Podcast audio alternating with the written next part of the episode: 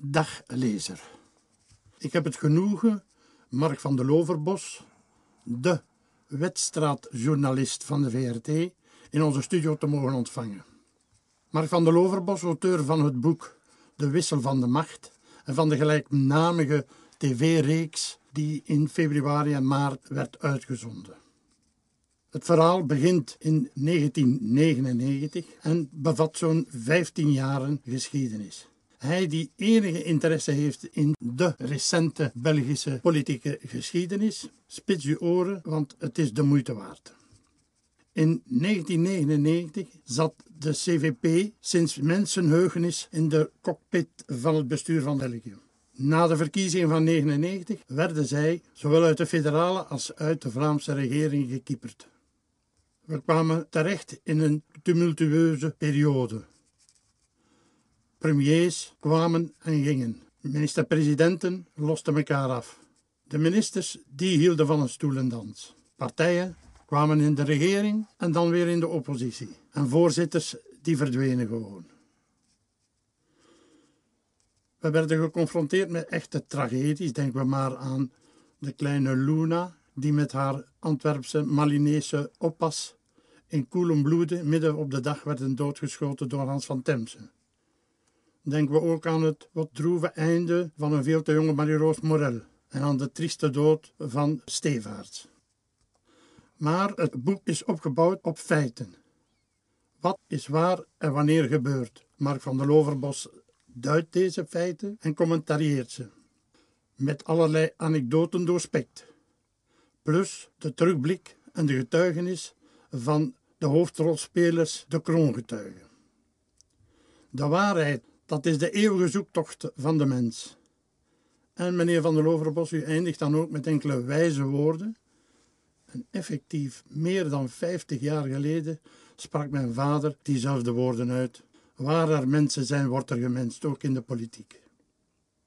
Alvorens eigenlijk met de inhoud van het boek te beginnen, meneer Van der Loverbos, zou ik u willen vragen Jij die dagdagelijks geconfronteerd wordt met de hectische actualiteit van het politieke leven in de wedstraat en omgeving. Wat is er gebeurd? Wat heeft u gedreven om u boven de waan van de dag te stellen en vanuit helikopterperspectief die 15 jaar is te overschouwen? Wel, ik ben zelf nooit op het idee gekomen om een boek te schrijven. Dat was een van de laatste dingen waar ik eh, zelf aan zou denken omdat ik dacht altijd, god, er zijn al zoveel boeken, uh, ook over de politiek, waarom zou ik er dan één moeten schrijven?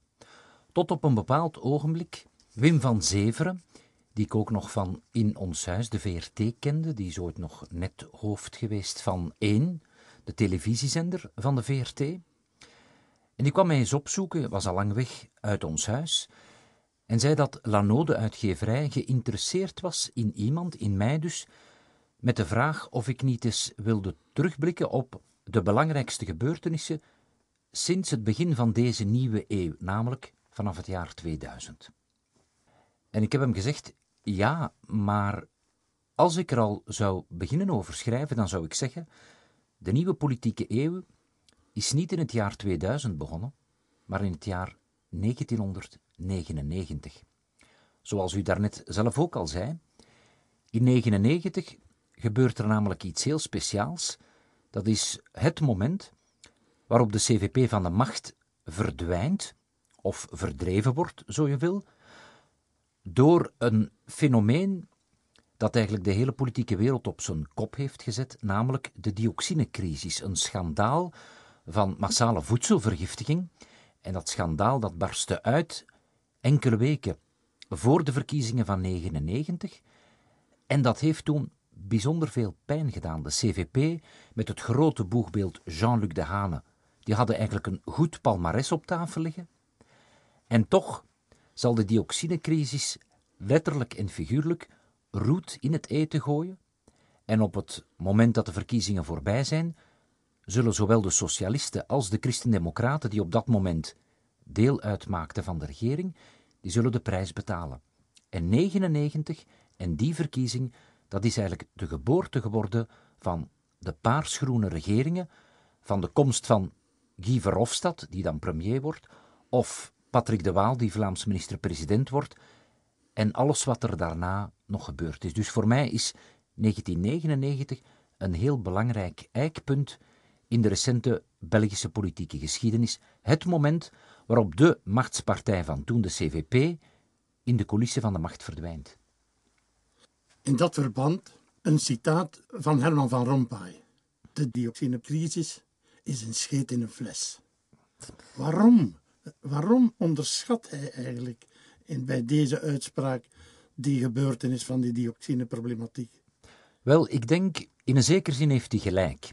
Uh, het schandaal van de voedselvergiftiging achteraf bekeken. Hè. Ik denk niet op dat moment, want toen wist niemand goed uh, van welk hout pijlen maken. Je zou letterlijk kunnen zeggen, de politici liepen toen rond als kippen zonder kop in heel die dioxinecrisis.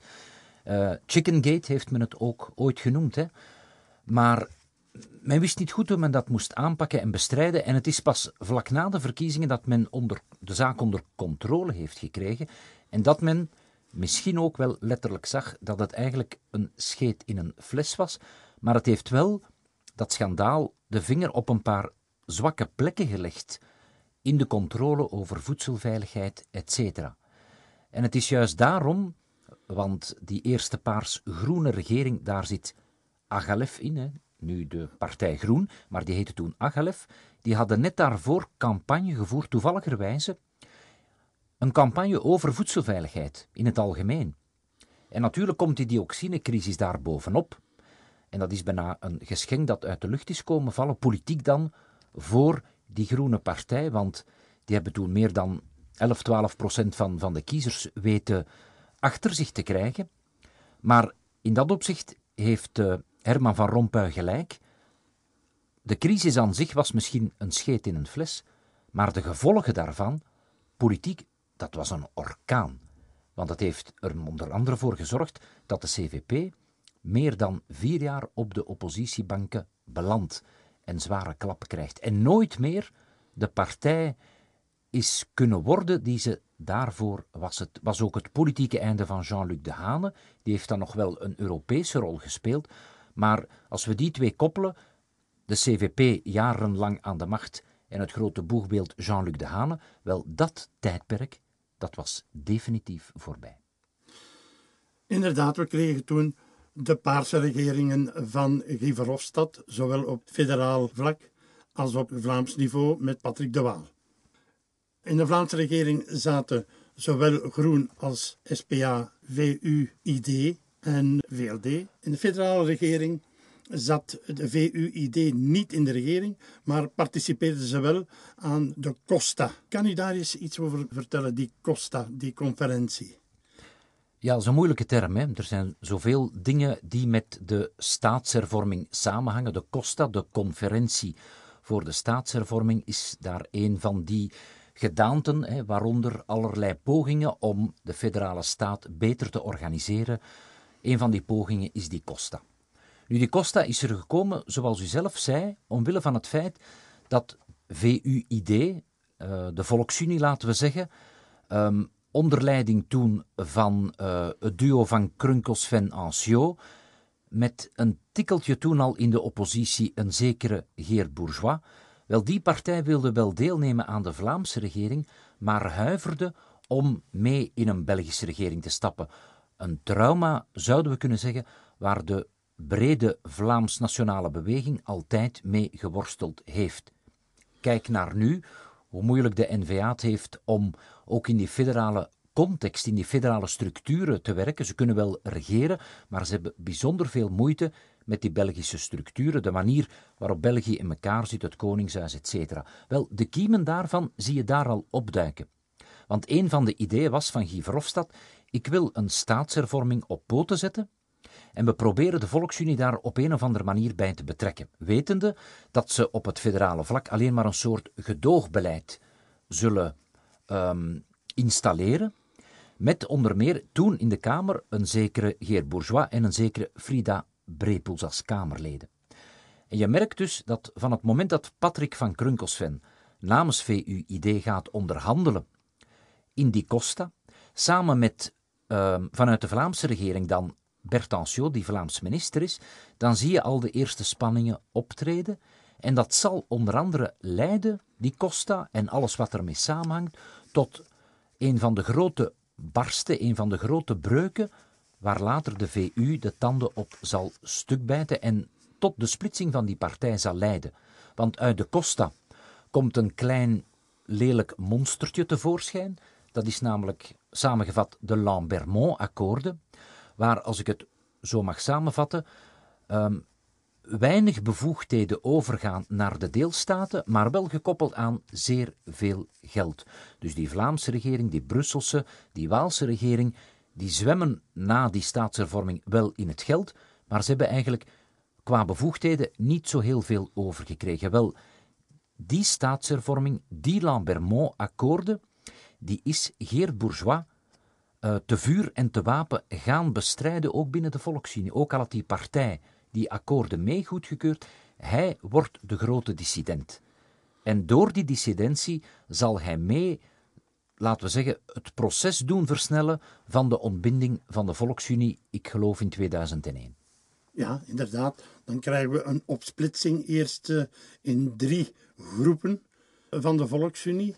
Daar komt dan in eerste instantie in 2001 Bertoncio met Spirit uit. Dan Geert Bourgeois met NVA. En dan had je nog de middengroep. En ik kan me nog herinneren dat daar de laatste voorzitter van de Volksunie, Fons Bourguignon, ik heb die nog gehoord op een van de uitzendingen op de tv. En die gaf mij een ongelooflijk gedeprimeerde indruk op dat moment. Als hij moest komen melden dat de Volksunie niet meer bestond. Ja, dat klopt. Ik heb vaak uh, medelijden gehad met die man. Want die ruzie binnen de Volksunie met aan, het een, aan de ene kant, laten we zeggen om het nu simpel te houden, het wat progressieve kamp met Bertancio, de hemelbestormers, de mannen die alles gingen veranderen. En aan de andere kant de meer traditionele vleugel van die partij, de meer Vlaams-nationalistisch geïnspireerde vleugel, een tikkeltje conservatiever, met Geert Bourgeois als exponent.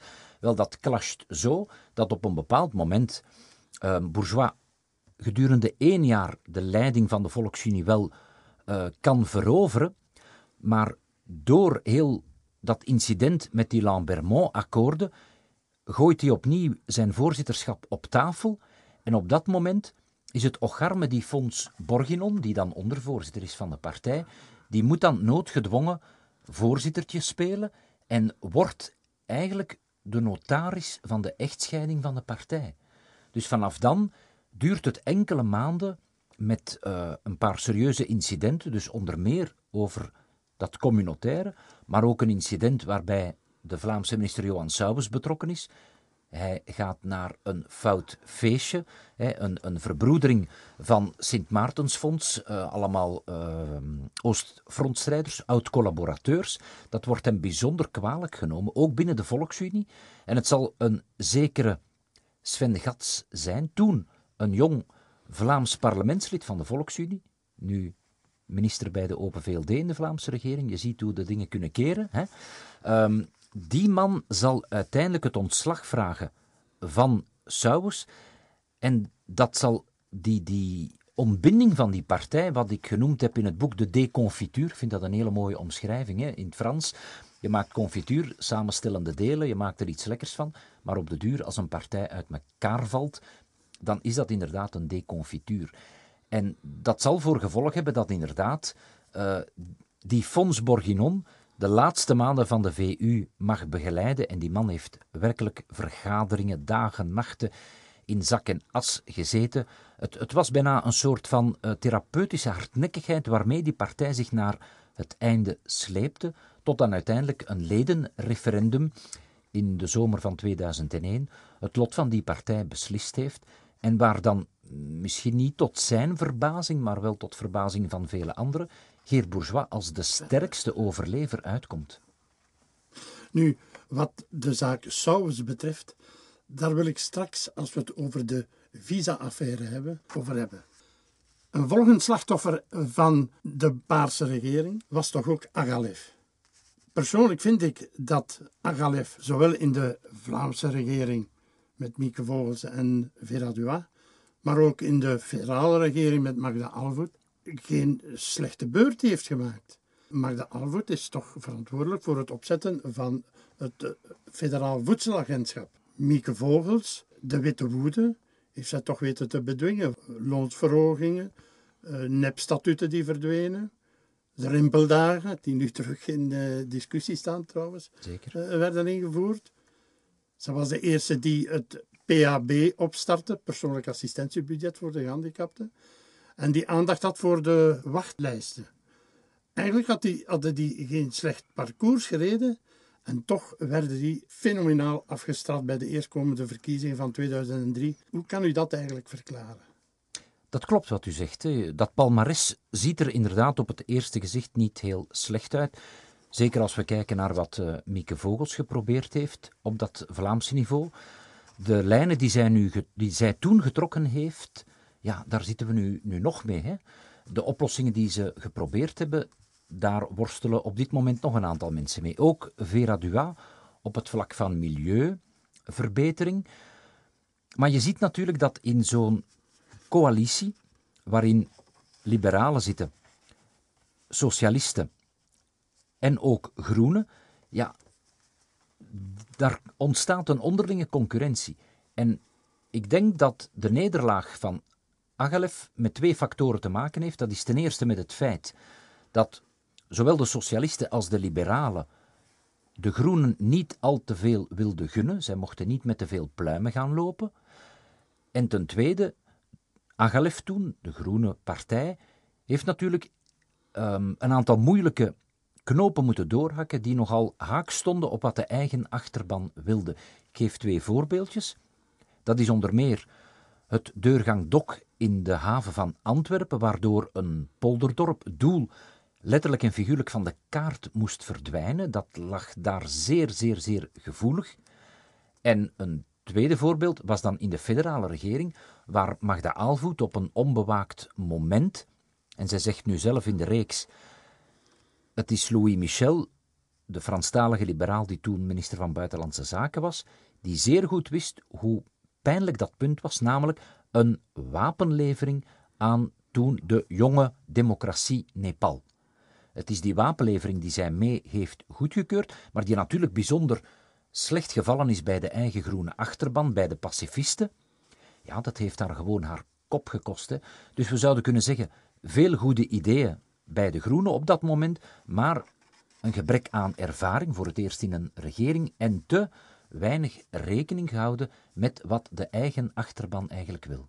En dan, iets later, krijgen ook de liberalen een probleem op hun bord: het migrantenstemrecht. Hoe komt dat het migrantenstemrecht eigenlijk niet in die regeringsverklaring is opgenomen geweest in, na 2003? Ja, dat, was, dat is een van de voorbeelden van um, de gevaren om in een regeerakkoord een aantal dingen niet in te steken. Onder meer het migrantenstemrecht. Daar waren de socialisten uiteraard voor, maar de liberalen huiverden. En dan hebben ze gezegd, we gaan dat overlaten aan het parlement. Die mogen dan vrij beslissen, we maken daar geen regeringszaak van. De liberalen in de naïeve hoop dat dat misschien toch, um, laat ik we zeggen, dan toch niet zou passeren op een of andere manier. Maar goed, het komt wel op de agenda. En dan krijg je natuurlijk um, de vraag: als men toch dat migrantenstemrecht er wil doorduwen, is dat nu een punt om een regering, voor de liberaal tenminste, om een regering op te laten vallen. En zover heeft Guy Verhofstadt het natuurlijk niet willen drijven. Hij wilde niet dat zijn eigen regering, waar hij zelf de eerste minister van was, daar zou over struikelen.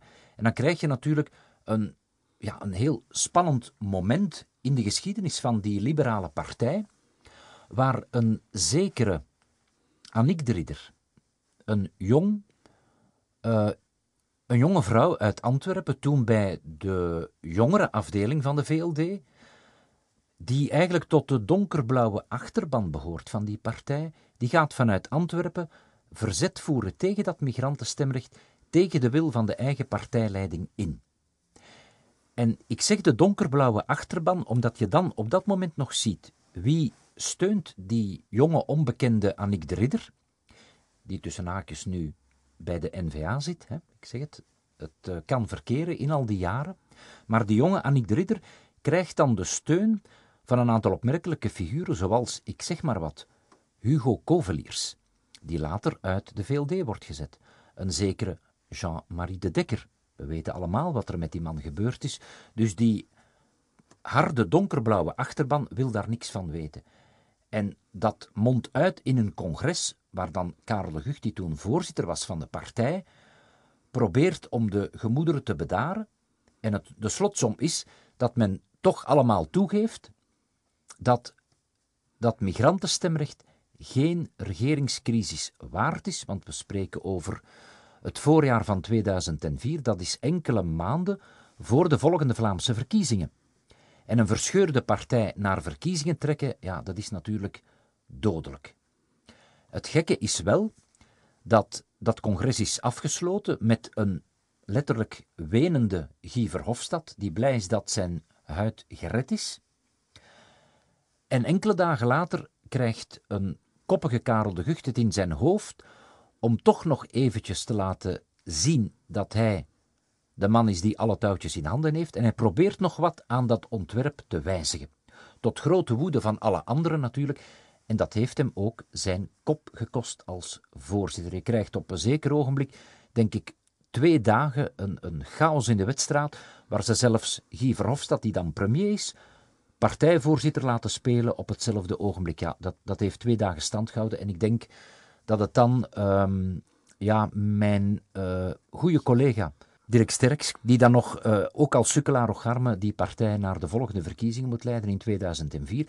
En daar zie je dus al dat de grote triomf die Verhofstadt en Stevaart in 2003 hadden gekend, twee partijen winnen, de socialisten en de liberalen, in een uitredende regering, dat ze in 2004, een jaar later, al voelen dat het tij aan het keren is en dat ze kiezers aan het verliezen zijn.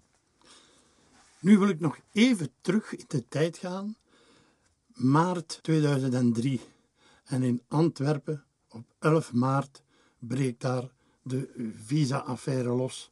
Eerst met beschuldiging van de politiecommissaris Luc Lamine, enkele kopstukken van de administratie. En dan, enkele dagen later, Leona de Thijze en heel haar schepencollege. Nu, de link die ik wil leggen tussen de visa-affaire en de Souwens-affaire is dat volgens Mieke Vogels in beide gevallen spelen Janssens en Steve Stevaerts en anderzijds Philippe de Winter een rol. Hoe is dat in godsnaam mogelijk dat Philippe de Winter van het Vlaams Blok hand- en spandienst verleent aan de socialisten?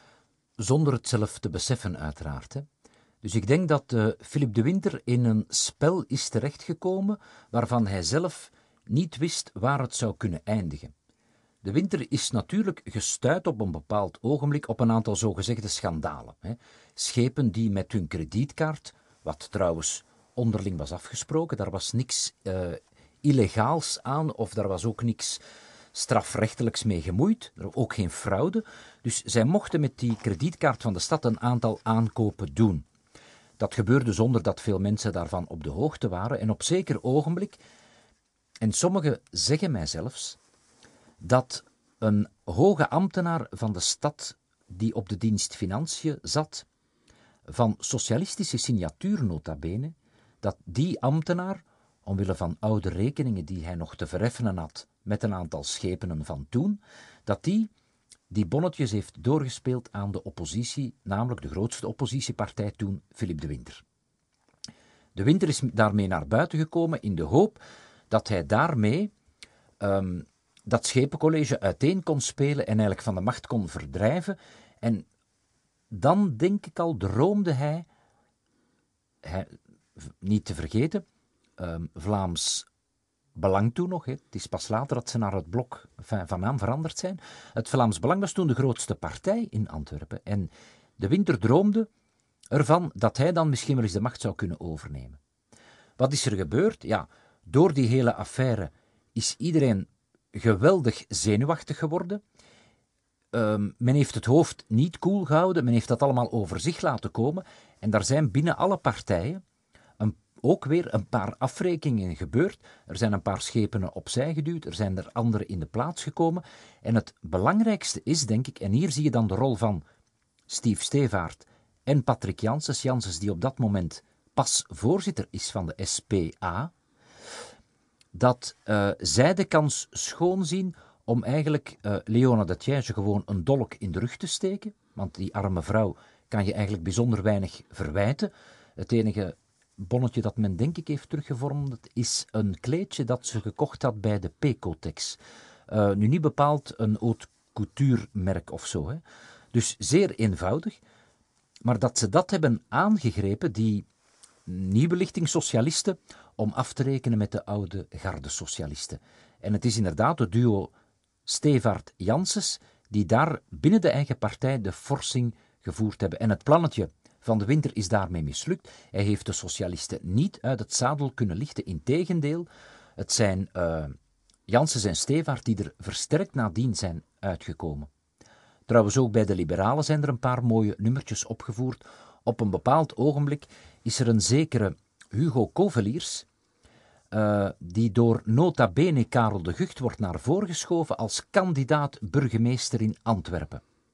Want de eigen afdeling had uh, Schepen Delwijde, hè, de, de baron Leo Delwijde, voorgedragen als hun, uh, ja, de grand seigneur van de liberalen in Antwerpen. Nee, het moest en het zou Hugo Koveliers zijn. Nu, als we zien welk theater daar toen is opgevoerd, ja, het is bijna onbeschrijfelijk. De, de realiteit overtreft in dit geval vaak de fictie en de fantasie.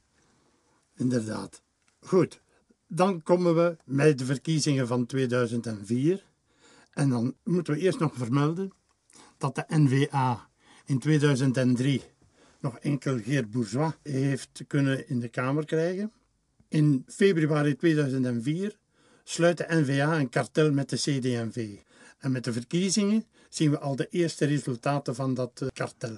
Trouwens, ook het kartel SPA Spirit doet het nog relatief, maar toch al minder eigenlijk als in 2003. Wat we wel zien, dat is inderdaad dat het Vlaams Blok met Philip de Winter tot 24 haar hoogste score haalt. Dat heeft ook nog wel een andere reden, want dat zullen we straks bij de teleurgang van het Vlaams Blok nog wel tegenkomen. Maar wie we ook zien terugkomen in de regering van Yves Le Terme, die dus eh, minister-president wordt van de Vlaamse regering, is Bert Anciot. En ik zou bij deze toch nog willen zeggen, Bert Anciot kreeg het departement van cultuur en hij heeft mee mogelijk gemaakt dat Luisterpunt, de samenvoeging van de toenmalig twee bestaande bibliotheken, Vlaamse Klank- en Luisterbibliotheek van Licht en Liefde en Vlaamse Luister- en Braaibibliotheek hier van Laken, eh, wij zijn in 2008 kunnen samengaan met steun van de toenmalige minister Bertonshaw. Ik wil dat toch wel even zeggen, want ondertussen hebben wij toch een heel parcours afgelegd met luisterpunt. Dat is toch wel een gelukkige beslissing toen geweest. Maar goed, Yves Le Terme, minister-president. Hij kiest als zijn mede-ministers van CD&V Vervotte en Peters. De gebroeders van Rompuy zijn razend. Ja. Wat is daar aan de hand?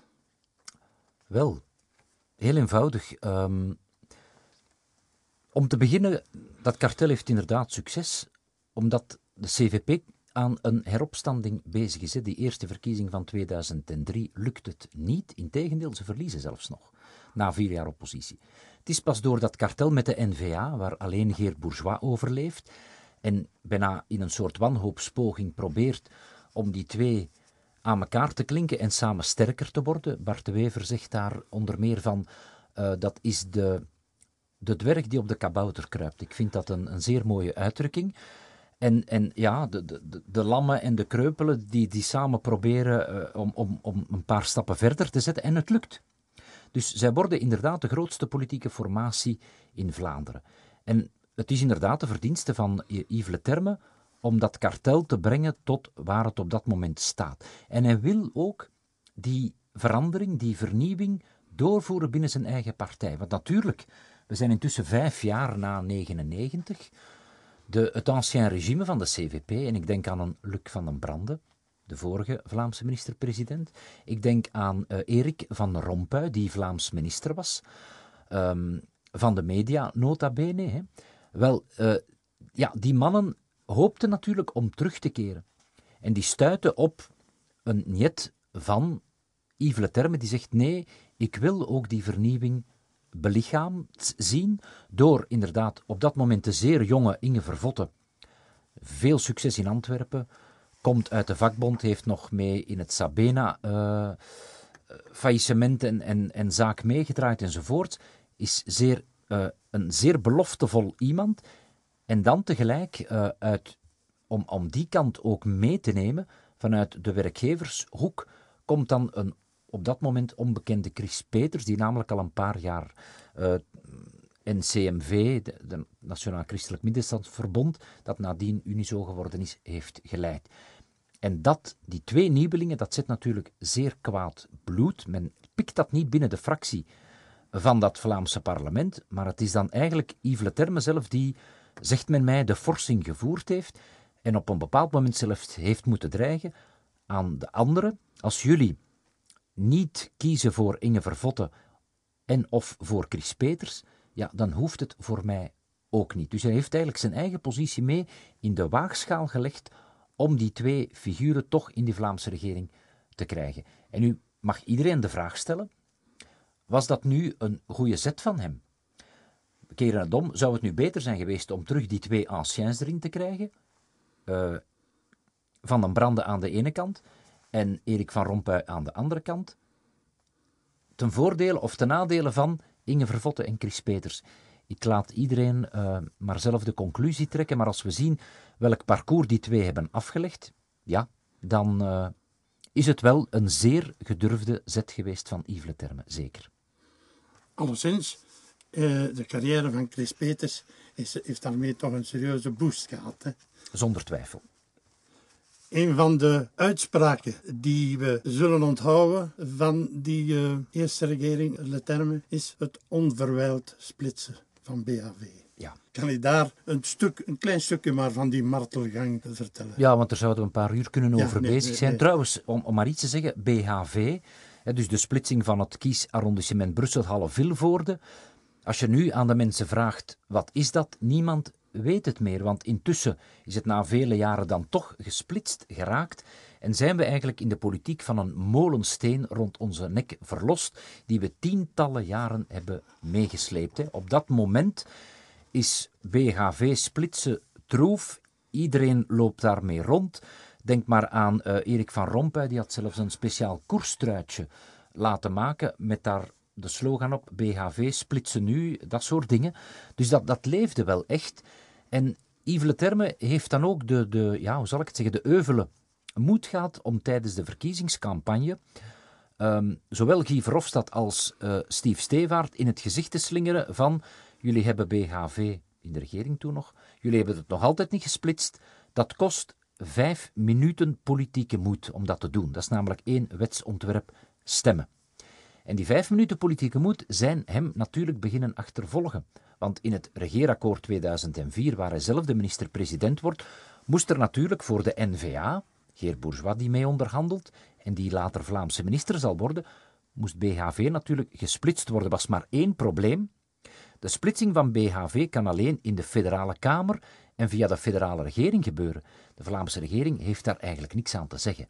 En wat men toen als truc heeft uitgevonden, is om splitsen nu er niet zo letterlijk in te zetten, maar eigenlijk uit een oud document het woordje onverwijld erin te steken, omdat men zeer goed beseft dat de eenzijdige splitsing van Brussel alle Vilvoorde, op dat moment namelijk de Vlamingen, die hun wil zouden opleggen aan de Franstaligen in de Kamer, ja, dat zou tot een grote crisis hebben geleid, politiek. Dus men moest dan wel de weg van de geleidelijkheid bewandelen, namelijk zoeken naar een eerbaar compromis, waar ook de Franstaligen zich konden in vinden. En om dat te kunnen doen heb je natuurlijk tijd nodig. Dus dan zei men onverwijld, dat betekent letterlijk zo vlug mogelijk, namelijk zolang alle parlementaire procedures één voor één gebruikt zijn om tot dat doel te geraken en dat er geen onnodige vertragingen optreden. Dat is eigenlijk de truc geweest om met dat woordje onverwijld te kunnen spelen en om niet meteen uh, de lont weer in het kruidvat te steken en de boel te laten ontploffen. Nu onverwijld, als we goed rekenen, we spreken hier over het jaar 2004, het is de regering Di Rupo, die uh, 2011, eigenlijk pas in 2012 is de wet gestemd, dus je ziet hoeveel jaar er zijn overgegaan Uh, vijf minuten politieke moed, dat kost ongeveer uh, tussen 2004 en 2012. Voilà, u kunt zelf ook rekenen. ja, goed. Dan begint al stilletjes aan de aanloop naar de gemeente- en provincieverkiezingen van 2006. Intussen tijd heeft Steve Stevaart toch vastgesteld dat zijn kartel en zijn succes het hoogtepunt heeft bereikt. En zeer onverwacht, in 2005 kiest hij voor het gouverneurschap van Limburg. En nog enkele jaren later verdwijnt hij gewoon in de commercialiteit. Hij geeft zijn gouverneurschap op. We vinden hem terug in Vietnam. De haven. De haven, ja. En in Etias enzovoort. Maar spijtig genoeg, wat dat er ook mogen gebeurd zijn, in 2015 neemt hij dus zelf de beslissing en stapt hij uit het leven. Ik vind dat een, een triest verhaal toch wel op het einde. Ja, dat is heel, heel triest, ja. Goed. Ik wil er nog iets over zeggen. Het punt waarop, omdat iedereen zich vaak uh, afvraagt, hoe komt dat nu dat Steve Stevaart op een bepaald moment kiest om de, laten we zeggen, de onderkoning van Limburg te gaan spelen, of de koning van Limburg, zo je wil. Hè? Mhm, mhm. Omdat um, hij hoopte om met dat kartel dat hij had gesmeed, namelijk de SPA zat niet in goede papieren, had nieuwe kiezers nodig, krijgt hij dan via Bertancio en zijn spiritkiezers krijgt hij mee. En als bonus hoopte hij om op het moment dat de groenen in de vernieling zitten, om die er ook nog bij te krijgen. En dan zouden zij, de, droomde hij, de grootste politieke formatie kunnen geweest zijn in Vlaanderen. En dan zou Steve Stevaart minister-president zijn kunnen worden. Helaas is dat dus niet gelukt, want in 2004 wordt zijn plan doorkruist. Ten eerste omdat de Groenen niet meestappen in dat kartelavontuur van Spirit en SPA en onafhankelijk blijven. En ten tweede omdat er natuurlijk een concurrerend kartel is opgedoken, namelijk CD&V-NVA. En het is dat nieuwe kartel, tot de grote verbijstering van Stevaart, dat kartel wordt het grootste in Vlaanderen en levert dus ook de Vlaamse minister-president. En wat doet Stevaart? Hij zal nog stevig mee onderhandelen over die Vlaamse regering. Hij zal daar al zijn pionnen inzetten, maar zelf heeft hij op dat moment, denk ik, en anderen vertellen mij dat ook, op dat moment heeft hij virtueel afscheid genomen. Zijn droom, minister-president zijn van de grootste progressieve formatie in Vlaanderen, is niet gelukt en hij neemt afscheid van de politiek. Hij gaat naar Limburg en dan zie je dat hij in Limburg het redelijk vlug beu is om dan eigenlijk op zeer korte tijd helemaal van het politieke toneel te verdwijnen en dan, ik ga er ook niet verder op in, verzeild te geraken in allerlei ingewikkelde, amoureuze, financiële avonturen, ja, die uh, uiteindelijk zijn noodlottige einde min of meer zullen bespoedigd hebben. Goed, de gemeenteraadsverkiezingen van 2006 zien we inderdaad in Antwerpen Janssens op de voorgrond komen. In Gent Altermont, denk ik, geloof ik. En in Oostende ook van de Lanotte. Dus de grote steden blijven zeker nog in handen van de SPA Spirit. Alhoewel dat de tendens toch al duidelijk zichtbaar aan het dalen is. De CD&V en NVA gaan wel overal vooruit. Eind 2006, in de aanloop van de verkiezingen van 2007, terug federale verkiezingen, stellen de Franstaligen vast dat dat kartel CD&V-NVA enorm groeit. Zij noemen dat het monstercomplot. Zelfs Onkelings verklaart Le Terme, c'est un homme dangereux. Ja. Dat maakt dus wel al een beetje duidelijk in welke atmosfeer, in welke toestand we eigenlijk naar die verkiezingen van 2007 toegaan. En we zien dan ook bij de resultaten van 2007 een enorme sprong voorwaarts van CD&V-NVA, ik geloof 30 procent. Ja. Een ongelooflijk teruggang van SPA Spirit, van Open VLD. Groen blijft wel terug meespelen, maar toch die drie samen hebben zelfs geen meerderheid meer. Dus NVA wordt dus een zeer belangrijke speler. En binnen dat kartel is de, natuurlijk Le Terme de man van de 800.000 voorkeurstemmen. Maar hij realiseert zich al zeer snel dat dat eigenlijk geen cadeau is kan u misschien de beginfase, want we gaan alles niet overlopen uiteraard, die zeer moeilijke formatie van begin 2007 is.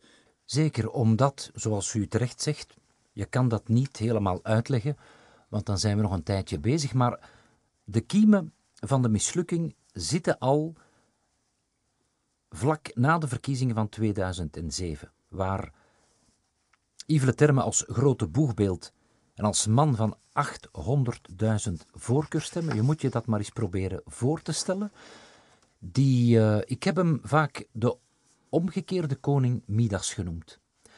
De man, Midas, is de koning die uh, lood in zijn handen heeft en hij kan dat in goud veranderen. Wel, uh, Leterme krijgt bij die verkiezingen goud in handen, maar het zal in lood veranderen. Hij wordt machteloos gemaakt. Hij is dus bijna niet in staat om die grote staatshervorming, die de NVA ook wil, hè, denk aan het woordje vette vis in de pan, dat is ook uit die periode. Wel, die vette vis, die is er natuurlijk niet, het is een magere haring. En twee, BHV moet ook nog altijd gesplitst worden. En dat zijn nu net de twee dingen waar die Franstaligen geen millimeter mee willen. En volgens sommigen onvoorbereid beginnen zowel NVA en CD&V aan die onderhandelingen met de Franstaligen om tot een grote staatshervorming te komen. En ze belanden in een politiek moeras. En dat is eerst uitgetest in het beruchte kasteel Hertoginnendal, in de rand van Brussel. In de zomermaanden toen van 2007 hebben we daar nog dagen, uren en nachten gesleten. En dat mislukt keer op keer op keer. En je zal merken in de fase nadien, lukt het ook nooit. Wel, als het toen niet gelukt is in die beruchte zomer van 2007, dan zal het later inderdaad ook nooit echt kunnen doorbreken. En je ziet dat um, het grote probleem, en dat zeggen mijn getuigen of mijn hoofdrolspelers, of hoe moet ik ze noemen, die, het is niet mooi wat ze zeggen, maar ze zeggen allemaal, of ze leggen allemaal de schuld bij Joël Milquet. Toen nog de voorzitter van, laten we zeggen, de Franstalige Christendemocraten, enfin CDH, hè, noemen ze het dan op dat ogenblik. De zusterpartij, zogezegd, van de CVP, van de CD&V, excuseer. Maar Bart Wever zegt daar ook over, um, met zijn vrienden van de CD&V, ja, jullie moeten proberen om bruggen te maken met die Franstalige Christendemocraten, met Joël Milquet. Dat lukt dus niet. Hij zegt letterlijk, ja, als je zo'n zuster hebt, dan heb je geen vijanden niet meer nodig natuurlijk. Hè. En zij zal alles doen om die communautaire onderhandelingen te doen mislukken, omdat zij, ook al zit Elio Di Rupo er niet bij aan die onderhandelingstafel, zij zal telefonisch altijd met hem contact houden om te zien wat zegt mijn grote broer aan Franstalige kant. En het is eigenlijk Elio Di Rupo die als een soort van uh, marionettenspeler achter de schermen als uh, Joël Milquet als een soort puppet on a string iedere keer terugtrekt wanneer het te ver gaat, te gevaarlijk wordt, etc. En het gevolg is, ja, die Vlamingen geraken geen meter vooruit en die stuiten altijd op het niet van die Franstaligen, die altijd ook terugkomen met die beruchte mantra, nous sommes demandeurs de rien. Wij willen eigenlijk geen staatshervorming. Dus die zaten in een zetel en het waren dan de Vlamingen die maar moesten komen met voorstellen die iedere keer natuurlijk op een koude steen zijn gevallen. En dat heeft vele maanden, vele jaren geduurd. In de beginnen, als ze nog op Hertoginnendal zaten, kwam Del Perret eh, naar buiten, toen al met de woorden Il y a un parfum de crise. Wel, die parfum heeft jaren rond de wedstrijd blijven hangen. Ja, en we drukken het dan voorzichtig uit. Parfum, anderen hebben daar een ander idee over. Een parfum ruikt meestal goed, maar dit begon toch een beetje te stinken. Maar voordat nog verder te gaan en een ander hoofdstuk van de, de termen saga, om daarop verder te gaan, wil ik het eerst nog eens hebben een beetje toch over de ondergang van het Vlaams blok. Naar aanleiding van de antiracismewet werden zij in eerste instantie uh, alleszins al veroordeeld, in beroep ook nog veroordeeld. Maar dat speelt zich af in uh, eh, 2000, begin 2004, als ik me niet vergis. Ja. Zodanig dat zij nog, ze gaan dan in arbitrage en ze profiteren nog van hun slachtofferrol bij de verkiezing van 2004. Ze halen daar, daar dan ook hun hoogste score. Maar ondertussen komt er ook nog een figuur op het toneel, een jonge dame, Marie-Rose Morel die haar eerste stappen in de politiek naast Bart de Wever zit, op begin 2003, bij de NVA toen. Maar op het moment dat de NVA in kartel gaat met de CD&V, kiest zij voor haar buur, de Winter, die uh, haar kan overhalen naar het Vlaams Blok te gaan. Maar wat haalt hij in godsnaam toch binnen in zijn partij? Zij zal niet het mooie blonde wichtje zijn dat danst naar de pijpen van meneer De Winter. Integendeel, zij zal hemel en aarde bewegen om de koers en de zeker de stijl van Vlaams Belang, ondertussen geworden, te wijzigen. Kan je daar toch iets meer, eh, die interne strijd, daarover vertellen? Zeker. Um, en die interne strijd is denk ik door het boek, maar ook door de reeks op televisie, voor het eerst blootgelegd. Dan toe was het Vlaams blok een gesloten blok voor ons. Hè. Dus niemand geraakte daar letterlijk en figuurlijk binnen. Het is dus wachten tot er eens wat informatie naar buiten komt over hoe het er precies aan toe gaat binnen die partij. In andere partijen rollen ze vechtend en plein publiek over de straat. Dat zie je zelden binnen het Vlaams Blok, een beetje later Vlaams Belang. En toch begint het daar ook te rommelen. Het grote succes van het Vlaams Belang blok in 2004 met 24% van de stemmen maakt ook de leiders een beetje blind. Ze voelen zich gedronken, ook al worden ze gedwongen om van naam te veranderen. Maar wat gaan ze doen, zegt Annemans letterlijk, of, of ook eh, Frank van Ecke, de voorzitter. We veranderen van naam, maar niet van streken. En het gaat eigenlijk over die streken waar Marie-Rose Morel het moeilijk mee heeft. En hier zien we ook voor het eerst dat je binnen een partij, of ook in het algemeen in de politiek, daar spelen bepaalde overtuigingen mee, bepaalde ideologie, maar ook heel persoonlijke en heel menselijke factoren. Dus hier raakt het politieke en het menselijke elkaar zeer nauw en ook zeer diep. Want de strijd die Marie-Rose Morel aangaat binnen het Vlaams Belang, om die partij een klein beetje van uh, aanzien te doen veranderen, we zouden het bijna kunnen vergelijken met wat uh, de, de Le, Le, Pen doet in, in Frankrijk, die uh, afstand neemt van haar oude vader en probeert om die partij te de-diaboliseren. In een zekere zin zou je kunnen zeggen, probeert Marie-Rose Morel dat ook te doen en de partij open te breken voor een nog ruimere groep, maar dan moeten de harde kantjes er wel een beetje af. En daar stuit ze natuurlijk op groot verzet van Philippe de Winter. Ik denk dat ze dat redelijk onderschat heeft. Ja, de winter, zo is er maar één. En er is maar één soort de winter, dat is de vuile soort de winter. Hè. Een propere de winter zou onleefbaar zijn binnen het Vlaams Belang. Het zou het Vlaams Belang ook niet meer zijn en het zou ook Philippe de Winter niet meer zijn. En raar genoeg krijgt ze dan steun in haar kweeste tegen Philippe de Winter van Frank van, van Hekke, die op dat moment voorzitter is. En het gaat zelfs verder, dat geeft Frank van Hekke achteraf ook eerlijk toe. Ze beginnen een liefdesrelatie. Dus die twee vinden elkaar politiek niet alleen goed, maar ook, laten we het uh, zo uitdrukken, op heel wat andere domeinen. En op die manier krijg je dus een sterk duo dat lijnrecht komt te staan tegenover Annemans aan de ene kant, de Winter aan de andere kant. En die drie vrienden van vroeger, Frank van Hekke, Philip de Winter en Gerolf Annemans, die eigenlijk die partij naar zeer grote hoogte hebben geleid, doordat ze elkaar alle drie perfect hun eigen rolletje hebben laten spelen. De een wat vuiler, de ander wat properder en nog een andere als verzoener. Wel, Marie-Rose Morel, je zou bijna kunnen zeggen, is de Yoko Ono van het Vlaams Belang. Zoals Yoko Ono de Beatles uiteen heeft gespeeld, zo zal ook zij de drie vrienden van toen uiteenspelen. En dat gaat alle kanten uit, de ruzies, de, de, met kletterende deuren, er wordt met servies gegooid, dat zijn Italiaanse toestanden, dat had men eigenlijk nog nooit gezien.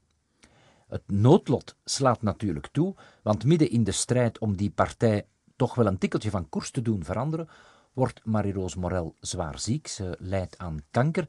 En dan zie je natuurlijk ja, een, een jonge moeder met, met twee kindjes, die dan op congressen nog probeert het onderste uit de kant te halen voor haar geliefde, namelijk Frank van Hekke. Ja, dat eindigt uiteindelijk zeer dramatisch. En je ziet dan dat uh, bij de begrafenis van Marie-Rose Morel, in, hier in de kathedraal, uh, of in de kathedraal van Antwerpen beter gezegd, dat uh, ja, de verzoening over het graf letterlijk plaatsvindt. Namelijk, ze verbiedt aan haar twee grootste vijanden, namelijk Annemans en de Winter, om naar de begrafenis te komen. En tegelijk verzoent ze zich over de dood heen met Bart de Wever, haar compaan van vroeger van bij NVA. En Bart de Wever zegt daar zelf over dat het een van de meest pijnlijke bladzijden en een van de meest emotionele bladzijden uit zijn persoonlijke politieke geschiedenis is. Namelijk datgene wat Marie-Rose allemaal is overkomen. Hij heeft ze moeten laten gaan, noden, wegtrekkende uit de NVA. En nadien, als je dan ziet waar zij beland is en waar de NVA en Bart de Wever nu staan, ja, dat had op dat moment ook niemand kunnen voorzien of durven voorspellen, denk ik. De Wever, tijdens uw tv-uitzending, heeft daar ook nog een, een, zeer typerende spreuk gesproken. Als je danst met de duivel, denk nooit dat de duivel zal veranderen, hij verandert jou. U hebt zeer goed geluisterd. dat Wie de duivel is, laat ik in het midden natuurlijk. Hè. Goed, we, we, gaan terug de draad van de termen opnemen. Want naast die problemen van communautaire aard, waar hij niet uitgeraakt, onmiddellijk daarna wordt hij geconfronteerd met de teleurgang van Fortis, met de ondergang van Dexia, en hij staat daar quasi alleen voor. Dat verhaal wordt ook minutieus in het boek uit de doeken gedaan. We gaan dat ook hier niet in detail herhalen. Waar ik wel wil op komen, meneer Van der Overbos, is la guerre des juges. Dus na heel die affaire van, van Fortis komt er een parlementaire onderzoekscommissie. En men voelt daar een behoorlijke spanning tussen de verschillende rechterlijke instellingen. De staande en de zittende magistratuur. Dat komt daar toch tot uiting dat daar een, een, serieuze haar in de boter zit tussen die twee. Kan je daar iets meer over uh, vertellen? Niet één haar, denk ik. Eh, sommigen zullen het vergelijken met een hele pruik die in de boter zat, denk ik. Maar nee, dat is een van de raarste dingen. Je kan dat politiek wel wat proberen te duiden achteraf. Maar om nu precies te weten wat er daar binnen justitie gebeurd is, daar moet ik zelf een beetje voor passen. Dat zou denk ik nog eens een onderzoek apart en, en een hoofdstuk apart uh, moeten aanwijden, want dat, dat was vrij ingewikkeld. Maar wat ik wel gezien heb, dat er inderdaad een soort van uh, guerre des juges zich achter de schermen heeft afgespeeld, waar je je zeer goed moet afvragen, wat, wat was nu de bedoeling? Want een van de pijlers van onze democratie, de trias politica hè, van, van Montesquieu, de scheiding der machten, je hebt de uitvoerende macht, de regering, je hebt de wetgevende macht, het parlement, en heb je de rechterlijke macht. Wel, die drie machten moeten uit mekaars vaarwater blijven. Zeker wat de rechterlijke macht betreft, die mag niet door de politiek beïnvloed worden. En omgekeerd, theorie natuurlijk, en omgekeerd mag die rechterlijke macht ook zich niet op het terrein van de politiek begeven.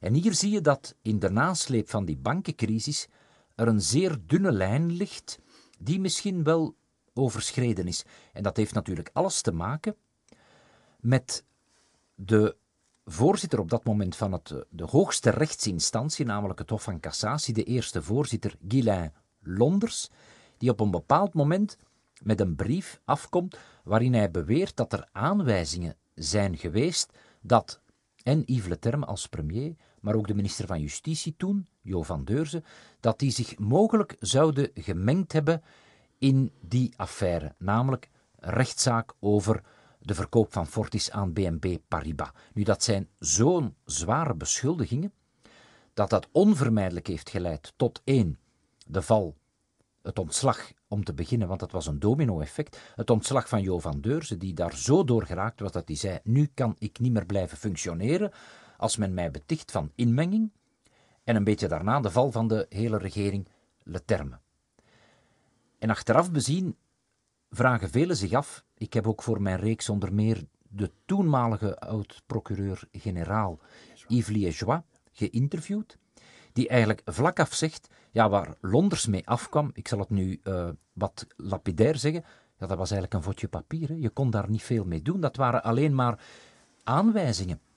Heeft nooit kunnen aantonen dat er letterlijke bewijzen waren van politieke inmenging. En als je dan ziet, zegt Yves Liégeois, dat voor hem de beste minister van Justitie ooit die hebben gehad, is moeten opstappen, namelijk Jo van Deurzen, en dat een eerste minister, die misschien communautair een heel slecht parcours heeft afgelegd, maar dan wel met de bankencrisis een paar banken gered heeft, zeker als we uh, kijken waar we nu staan, dat was allemaal zo slecht nog niet.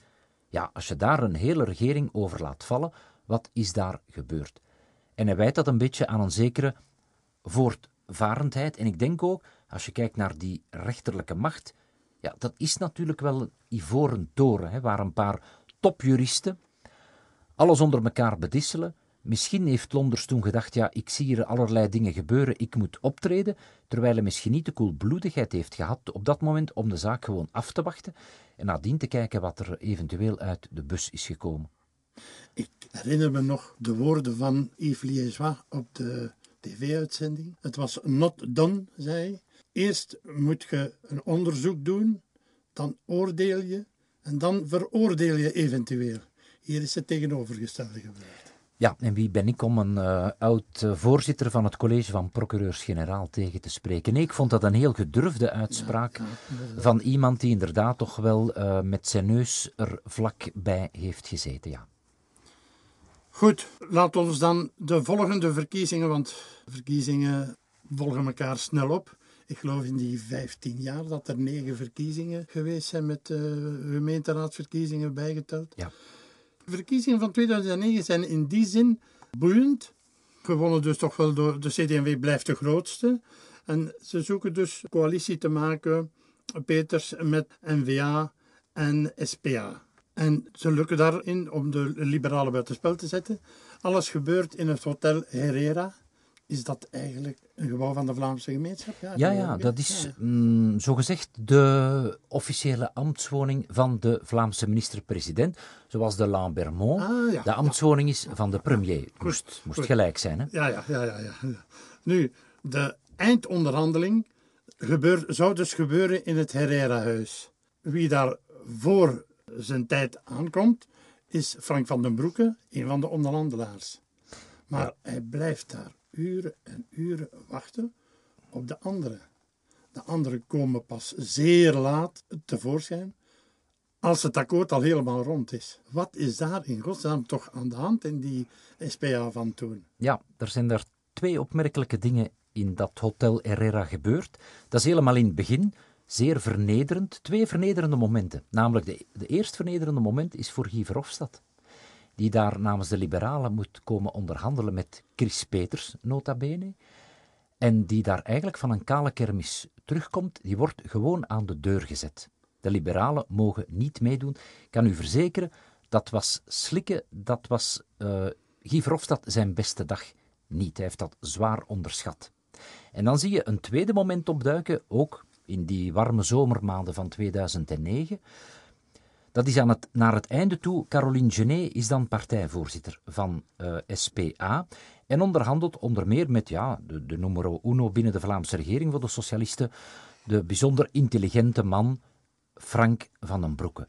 Zeer intelligent, maar als mens en als politicus was dat voor velen, denk ik, een pain in the ass. Hè. Dat was niet te doen. Die man kwam terug op alle punten en commas. Er is daar onderhandeld, dan onderbrak hij. Hij liet dan heeldere slideshows zien van de werkloosheid of bepaalde dingen en grafieken. Enfin, iedereen werd daar kiruwit van. En dat maakte eigenlijk dat een doorbraak in die onderhandelingen altijd maar langer en langer op zich liet wachten. En iedere keer um, ontnam zelfs Frank van den Broeke het woord van de eigen voorzitter, namelijk Caroline Genet, hij wist het altijd beter. Hij wist het beter dan wie dan ook, de beste leerling van de klas. En dat is zuur opgebroken. En op een zeker ogenblik uh, zit men weer in een blokkering en beslissen dan eigenlijk de partijvoorzitters onder elkaar van CD&V, van de NVA, van de SPA, om apart te gaan zitten en de laatste moeilijke knopen door te hakken zonder Frank van den Broeke. En wij stonden daar inderdaad te wachten. En een argeloze Frank komt daar in zijn zomerplunje binnengewandeld. En zegt, ah, is hier nog niemand? Nee, wij wachten ook nog op iedereen. En een uur later zit Frank van den Broeke daar nog alleen. En twee uur later nog. En komt hij zelfs aan ons vragen, kun je dat voorstellen, buiten de pers, hebben jullie nog nieuws of zo? Weten jullie wat er gebeurd is? En pas dan komt dan de rest van de delegatie om hem dan mee te delen dat het akkoord eigenlijk rond is. En daar zijn dan een paar zeer, zeer harde woorden gevallen. Men heeft daar Frank uh, serieus moeten masseren. En dan nadien is iedereen met een uitgestreken gezicht naar buiten gekomen om te zeggen: het is in orde. Maar daar is ook door die onhebbelijke houding van Frank van den Broeke zelf en de vernederingen die hij toen ook Caroline Genet heeft laten voelen ten aanzien van al die andere mede-onderhandelaars rond de tafel, dat heeft hem zijn ministerschap gekost. Want nadien wordt hij niet meer verkozen als Vlaamse minister, maar zal het onder meer um, uit Limburg, nu ben ik even haar naam kwijt. Um, dank u, Ingrid Liete zal het worden. Hè. En uh, Frank van den Broeke wordt gewoon afgeserveerd. En Ingrid Liete is Limburg, uiteraard op dat moment nog een grote beschermeling van Stief Stevaart. En Stief Stevaart heeft ook nooit, maar dan ook nooit iets moeten hebben van die geleerde professor Frank van den Broeke. Goed, zo de Vlaamse regering is dan gestart. Maar ook in 2009 krijgen we het wonderjaar van Herman van Rompuy. Hij heeft ondertussen eigenlijk ook uh, Le Terme vervangen in de federale regering. Vandaar ook eh, de uitdrukking van zijn rustige vastheid, of vastige rust. Nee, uh, rustige vastheid, rustige vastheid, ja. De woordspeling. Ja, ja. Maar enfin, hij zorgt er toch voor dat de regering Le Terme blijft voortfunctioneren. Is het op die moment, denk ik, dat hij Nee, het is pas in 2010 dat de eh, regering Le Terme valt. Uh, met de, de, stekker die de Kroo eruit zal trekken. Maar ondertussen is dus uh, Herman van Rompuy in november 2009 door de Europese Raad tot voorzitter van de Europese Raad verkozen. En hij vertrekt dan naar Europa, begin januari was uh, 2010.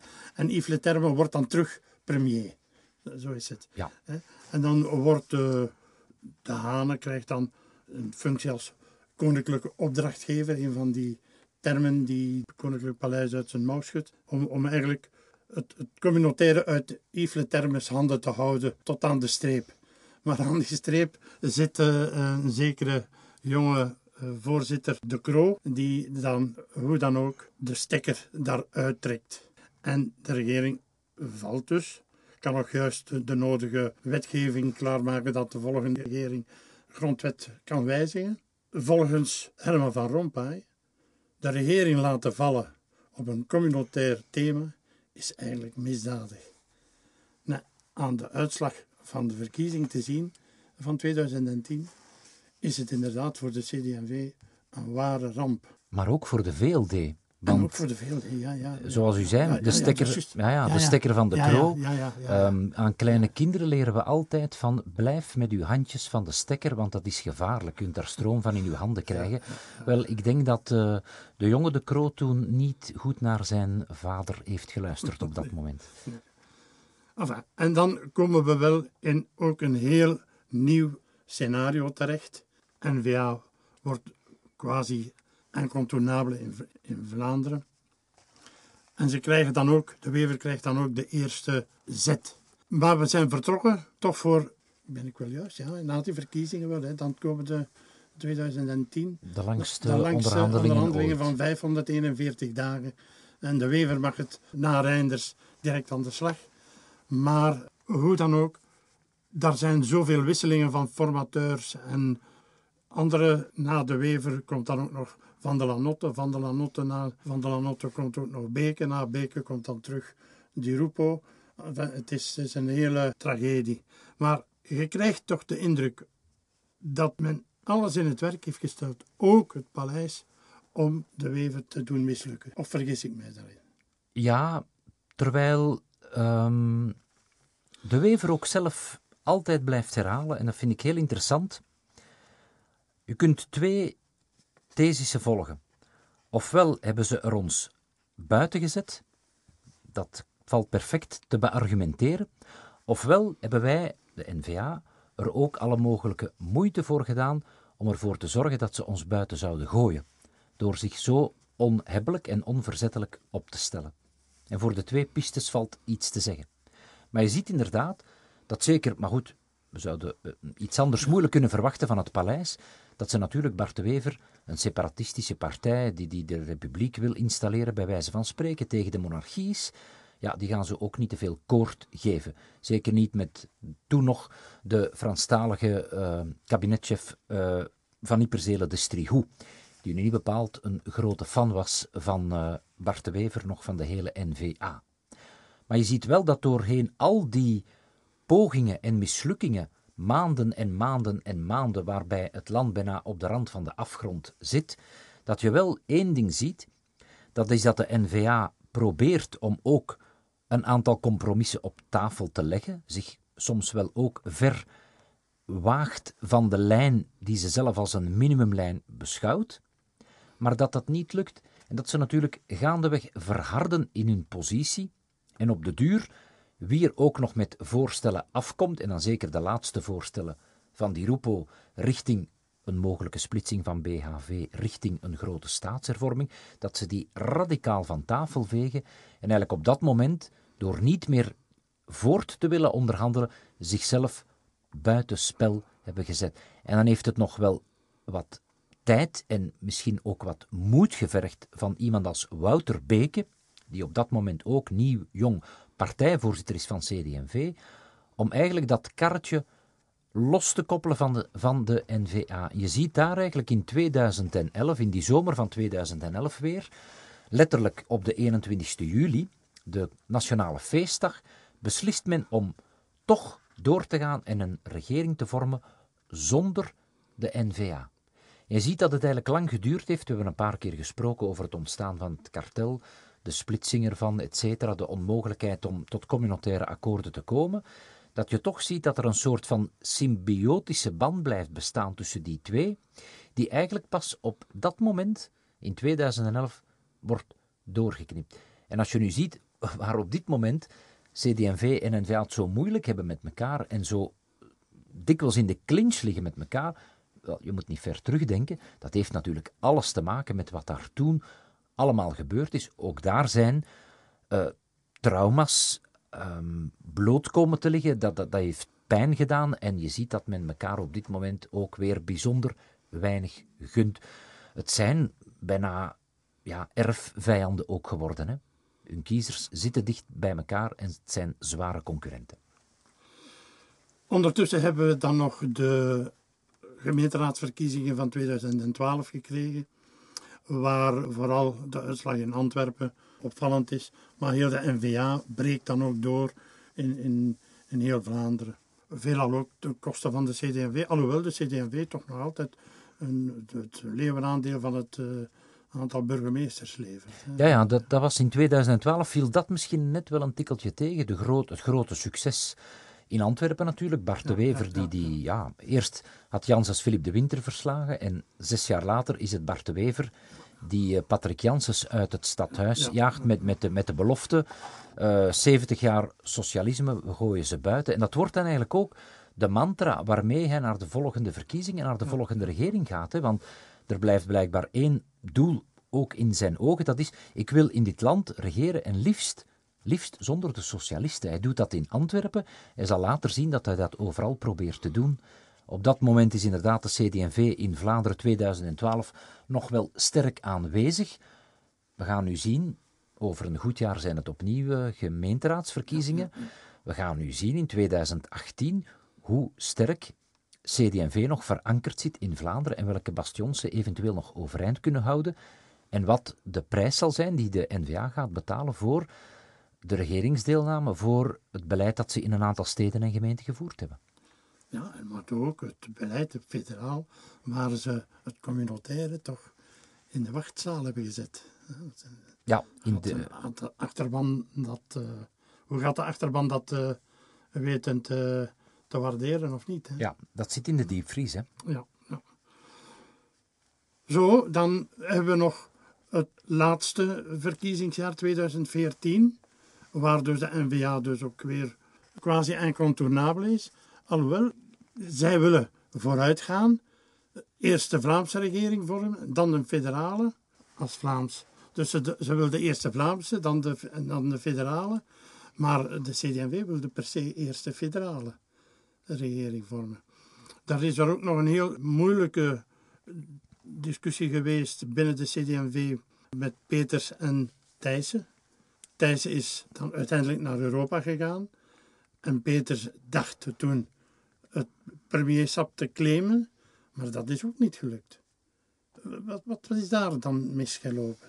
Wat is daar misgelopen? Ja, ook daar zit weer die rivaliteit tussen die twee grote partijen nog. Natuurlijk, uh, je, psychologisch lag dat voor Chris Peters bijzonder moeilijk. Hè. Hij komt als grote man uit die vorige Vlaamse regering, waar de CD&V toen nog de grootste partij was. Hè.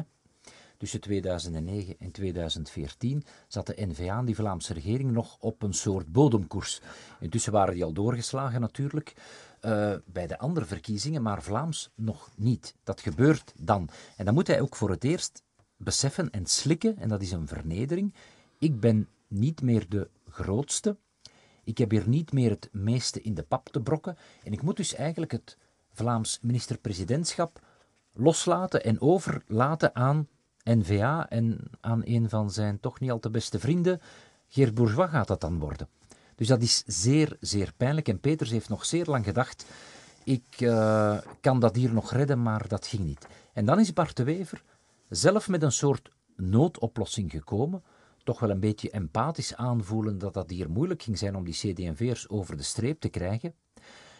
N-VA is natuurlijk wel geïnteresseerd in dat Vlaamse beleid, maar hoegenaamd niet in het federale. Zij willen wel die regering maken, maar daar niet de premier van leveren, wat logisch zou zijn. De grootste partij levert de premier. Zij doen dat dus niet. En dat is ook het eigenaardige aan die en uitzonderlijke aan deze regering, namelijk dat je ziet dat er aan Vlaamse kant drie partijen zijn en aan Franstalige kant slechts één, de Franstalige liberalen van de MR. Zeer ongewoon en een zeer gevaarlijke cocktail. En toch doet men het. En dan is de belofte gedaan aan Chris Peters, ja, als de dingen lopen zoals ze nu zijn, dan is het premierschap voor u. Maar dan heeft men natuurlijk buiten de waard gerekend, komt daar binnen de CD&V plotseling die opportuniteit, maar ze zijn niet meer de grote partij van vroeger, waar ze desnoods twee topfuncties konden claimen. En een Europees commissaris en een premier. Ja, die twee samen met een kleinere partij lukt niet. En in een zeer dramatische nacht, ook voor de CD&V, is er dan eigenlijk beslist dat Chris Peters het dan maar moest loslaten en dat premierschap uh, heeft moeten laten schieten, ten voordele dan van uh, Charles Michel in dit geval. En dat blijft, als je dus nu vaak de vraag stelt, hoe komt het dat Chris Peters zo moeilijk doet? Wel, dat heeft daar eigenlijk allemaal mee te maken met het feit dat daar ook weer een stukje onverwerkt verleden zit van de man die, de grote man van Vlaanderen, die afscheid moest nemen van die Vlaamse regering, dacht van een hoofdrol te spelen in die federale regering en dan eigenlijk gedwongen wordt om een soort veredelde bijrol te spelen als vicepremier. Dat zit niet goed, dat, dat lukt niet goed en dat gaat blijven wringen zolang Chris Peters in die regering uh, zit. Want op een bepaald moment waren er zelfs plannen om Chris Peters te laten starten en hem dan later te laten vertrekken weer en iemand anders in zijn plaats in die federale regering te zetten. Tot nu toe is dat niet gebeurd en zal dat ook niet meer gebeuren, maar je ziet hoe moeilijk dat allemaal ligt voor CD&V op dit ogenblik. Het durven toegeven dat zij niet meer de lakens uitdelen, nog in de federale regering, nog in de Vlaamse regering. Meneer Van der Overbos, ik denk dat wij een zeer boeiend gesprek hebben gehad. En zeer lang. Ja, nog een kleine slotopmerking toch ook. Ja, ik weet niet hoe lang dat we al bezig zijn. Maar u sluit ook gewoon af. Ons systeem is van alles slechte het minst kwaaie om mensen te doen samenleven. Er zijn veel voordelen bij aan verbonden, maar het is toch ook voor verbetering vatbaar. En dat zal altijd zo blijven. Hartelijk dank voor dit boeiend gesprek.